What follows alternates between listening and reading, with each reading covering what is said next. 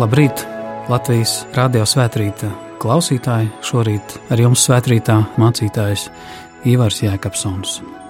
Ieklausīsimies svēto rakstu vārdos, kas atrodami Jāņa evaņģēlīja 16. nodaļā. Tur no 5. panta līdz 15. mēs varam lasīt Jēzus vārdus. Tagad es aizēju pie tā, kas mani sūtījis, un neviens no jums nejautā man, kur tu ej.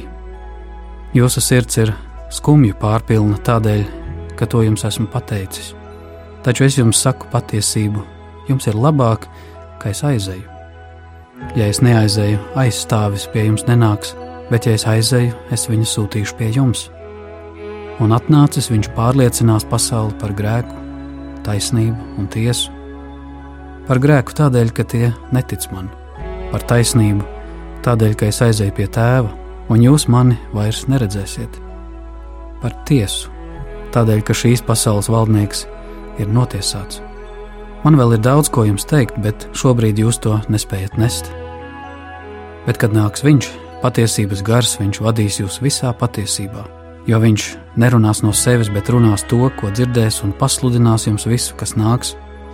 Viņš pagodinās mani, jo viņš ņems no tā, kas ir mans un jums pasludinās. Viss, kas pieder tēvam, ir mans. Tādēļ es jums sacīju, viņš ņems no tā, kas ir mans, un jums pasludinās.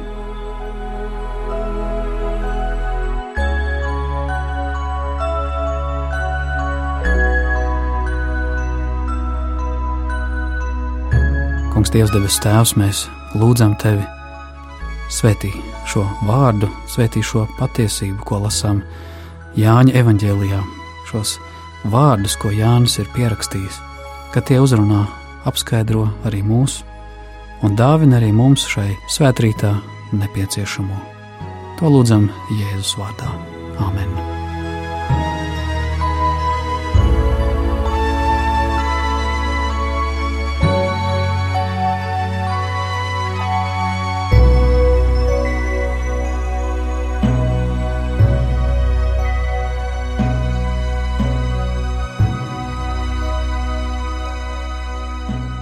Kristus mira pie krusta, izlīdzinādams debesis un zemi, tādējādā veidā savā brūcēs dziedinādams pasauli no grēka. Nav vairs šķērslis, kas cilvēku šķir no dieva, ir kaut kas, kas ir atvērts, lai ienāktu mūsos. Un tādēļ svētā gara darbība kļūst par to īpašo baznīcas dzīvesveidu pēc Kristus nāves un augšām celšanās. Īpaša uzmanība ir tajā, kā kristieši, kā ik viens ticīgais, patiesībā kā ik viens cilvēks, var saņemt iepriecinājumu, mieru, dziedinājumu savā pašu dzīvē. Tas, kas šeit tiek parādīts, ir kā svētais gars cilvēka atnes mierinājumu, labo vēsti, un cilvēku sirdi pievērš tam, kas viņu izvelk no bēdām, no sērām, no tumsas, no ciešanām, un ienes dievvvārdu gaismā, parādot jēgu visam. Šeit šī raksturvieta atgādina, ka Jēzus savā ziņā toreiz atvadījās no mācekļiem, sacīdams, ka viņš iet uz ciešanām, uz nāvi. Un mēs varam tikai mēģināt saprast, kā jutās šie mācekļi, kad Jēzus saka, es aizēju. Tur noteikti varētu būt visdažādākās izjūtas. Varbūt mēs katrs varētu padomāt, kā tas liektu mums katram justies, kad kāds man saka, es aizēju. Un šīs izjūtas ir līdzīgas kā sēras, kuras cilvēks pārdzīvo kā zaudējumu. Un ļoti bieži tas mijas ne tikai ar skumjām par otra cilvēka paša nelaimi vai ciešanām, līdzjūtībā, bet arī par to, ka es esmu pamests. Kāpēc tu mani pameti? Skan tāds izteikums, pārmetums, apsūdzība, skumjas. Jā, īpašums var zust, tuvinieki arī nav bezgalīgi klātesoši, bet ir kaut kas, kas paliek tavu dvēseli, tavas attiecības ar realitāti, ar Dievu, kas tevi var vienmēr stiprināt, pavadīt un izgaismot. Visam ir savs laiks, raksta Bībele. Salamans arī raksta savā gudrības grāmatā, ka savs laiks ir piedzimt un mirt, priecāties, bēdāties, sērot un dejot, apkamties un atvadīties, pat mīlēt un ienīst un karam un mieram. Viņš runā par to, ka dzīvē visam būs sava vieta. Svarīgi ir neizlikties, kad ir labi, kaut patiesībā ir slikti, galvenais - neiestrēgt. Skumjām, pat izmisumam varētu būt savs laiks, kad cilvēks pārdzīvo zaudējumu, tomēr iestrēgt skumjās var būt nāvējoši. Nevelti baznīcas vēsture un tradīcija skumjas, jeb nomāktību sauc par vienu no nāves grēkiem, kam cilvēks nedrīkst padoties. Tas ir kā tāds vēlna rīks, kas pazudina cilvēku izmisumā, kas cilvēkam iestāsta, Dievs tevi nemīl, Dievs tevi ir pametis, nav nekam jēga. Un tieši tas ir tas, kas pazudina un liek cilvēkiem izlemt pilnīgi neloģiskas un muļķīgas lietas, ieskaitot pašnāvību.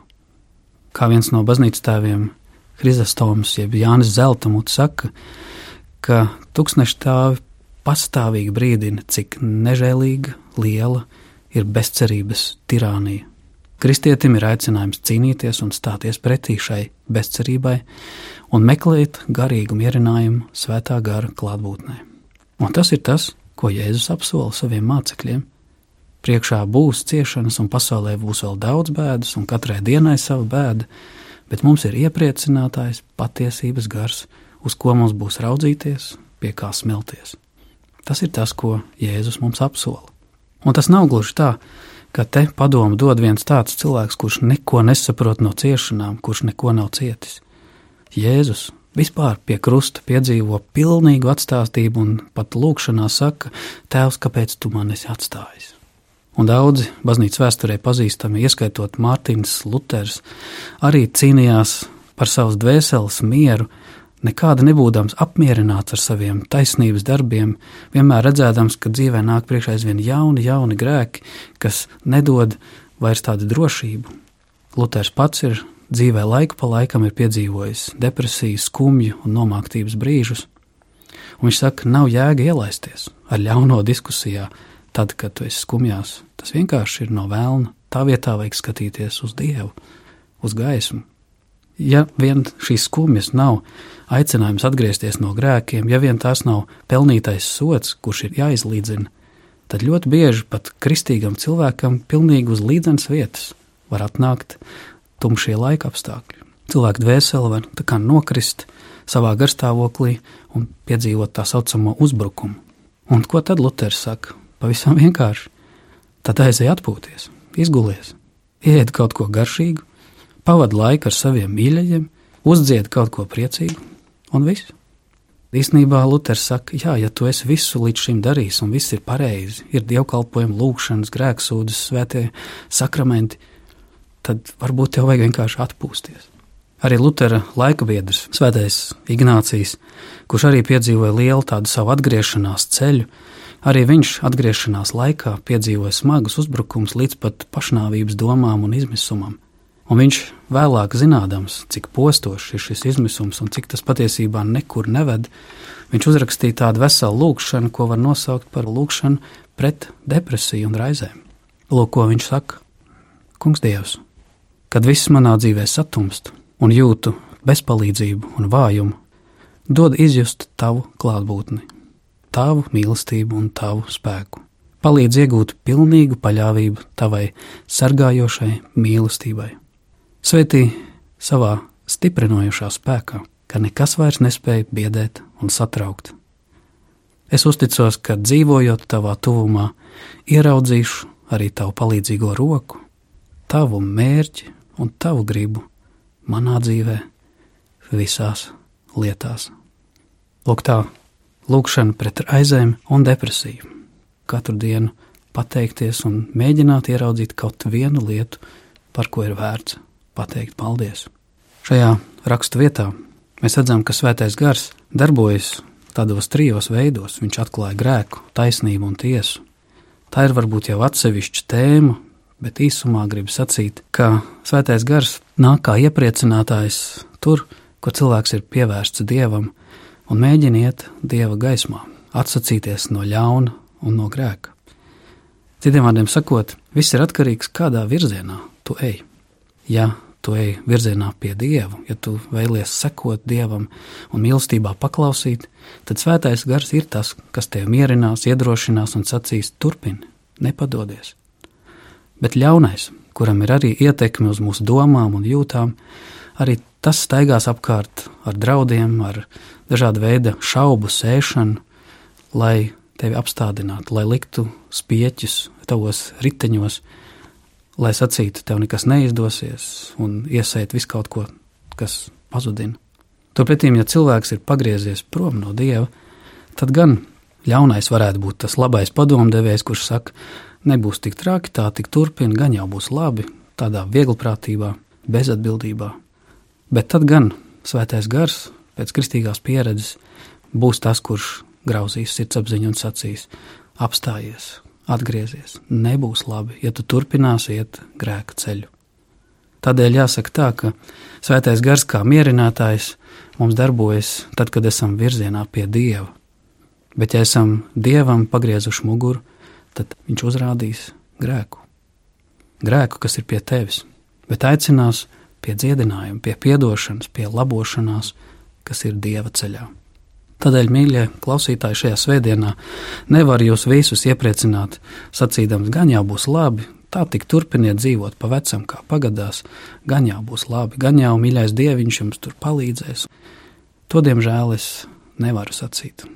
Dievvvārds un Dieva gars pats saka, ej gaismā, izmeklē savu sirdsapziņu, tad Dieva gars var nākt kā patiesas atbrīvotājs, dziedinātājs un mierinātājs. Jo tieši grēks ir tas, kas attālina cilvēku no dieva, bet grēku piedošana ir tā, kas svētā gara spēkā cilvēku dziedina, atjauno un sakārto. Tātad svētais gars pārliecina par grēku, nevis iedzenot mūsu izmisumā, sakot, tu esi slikts, bet otrādi. Kaut arī tu esi grēcinieks, tu esi dieva mīlēts grēcinieks, kurš savu dēlu par tevi ir devis, lai tu dzīvotu atjaunotā gaismā un mainītos uz augšu un sekot viņa žēlastībai. Cilvēku pazudina ne jau grēka izdarīšana, to vēl var nokārtot, nožēlot, sakārtot, izlabot. Cilvēku pazudina neticība, nepareizais virziens.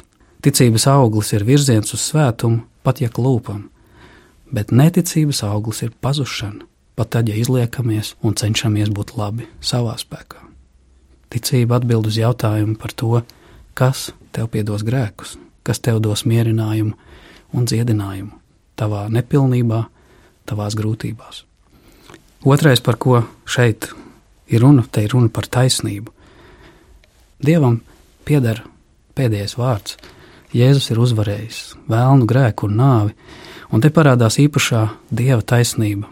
Pasaulē ir dažādas taisnības, varas, vairākuma, taisnības un tā tālāk. Katrā ziņā te nav runa par tādu taisnību, kurā cilvēks pielāgo visu sev paštaisnībā, bet ir runa par dieva taisnību, kuru dod viņš. Un tādēļ Dieva priekšā mūžībā nelīdzēs nekāda taisnošanās vai attaisnošanās par to, kāpēc es kaut ko darīju vai nedarīju. Kristietis uzņemas atbildību, redz savu kļūdu, savu grēku un vainu, bet viņš meklē Kristus taisnību, kurā tev ir piedots, izlīdzināts. Un tā ir vienīgā taisnība, kas izglābj. Tā ir tā, kas atver durvis pie tēva debesīs. Tā ir tā, kas tevi attaisno. Kamēr apsūdzētājs Dieva tiesas priekšā saka, tu esi darījis to, to, to, tādēļ tu esi pelnījis pazušanu, Kristus dāvātā taisnība saka, bet tu, kas tagad saņem šo dziedinājumu, tu saņem arī atbrīvošanu, jo par tevi ir samaksāts, par tevi ir piedots. Nemieris, paša taisnības kultivēšana ir tā, kas ir viena no mūsdienu depresiju iemesliem, kas centrējas cilvēka nepastāvībā, tajā, ka viņš balstās iecentrējoties uz sevi, uz savu paša darbiem un taisnību. Citiem vārdiem sakot, depresijas autors aizved pie vecā Ādama, kurš krampjaini, nesekmīgi pats sevi cenšas izvilkt no purva ārā, kā Minhausens aiz matiem Un Augustīns un arī Luters teiktu, tas ir cilvēks, kurš ir ieciklojies uz sevi. Pietiek raudzīties tikai uz tā, nu kā es nabadzīgs jūtos, lai arī cik slikti būtu, bet skaties uz Dievu, skaties uz Dieva žēlastību. Ko tad Dievs ir izdarījis? Viņš mūs pārliecina par taisnību un patiesību Kristū, viņš ir notiesājis uz pazušanu vēlnu, grēku un nāvi to sakāvis, lūk ir ceļš, ko dod svētais gars, Viņš atgādina, ka ir Dievs, kuram viss ir iespējams. Un kaut arī sākumā tas ir tikai tāds tālas cerības atspulgs, tomēr tā ir gaisma, kas sāk cilvēku vest pie risinājuma, pie gaismas, tuneļa galā. Jā, mēs varam izsūdzēt savus grēkus pie Dieva, bet šī jaunā dziesma iedvesmo, iepriecina un pārslēdz mūsu uzmanību no problēmas uz risinājumu, no izmisuma uz cerības devēju, svēto garu, kurš mierina un pagriež mūsu dzīves no grēka svētumā, no tumsas gaismā. Lai Dievs svētī arī mūs šeit, ka šajā apsolījumā, ko Jēzus dod mācekļiem skumjās, kad viņi pārcieta Jēzus zaudējumu, arī mums ir dot kādu cerību, ko viņš apsolīja viņiem. Nāks aizstāvis, nāks mierinātājs. Man vēl daudz, kas jums ir ko teikt. Nekas nav beidzies. Āmen!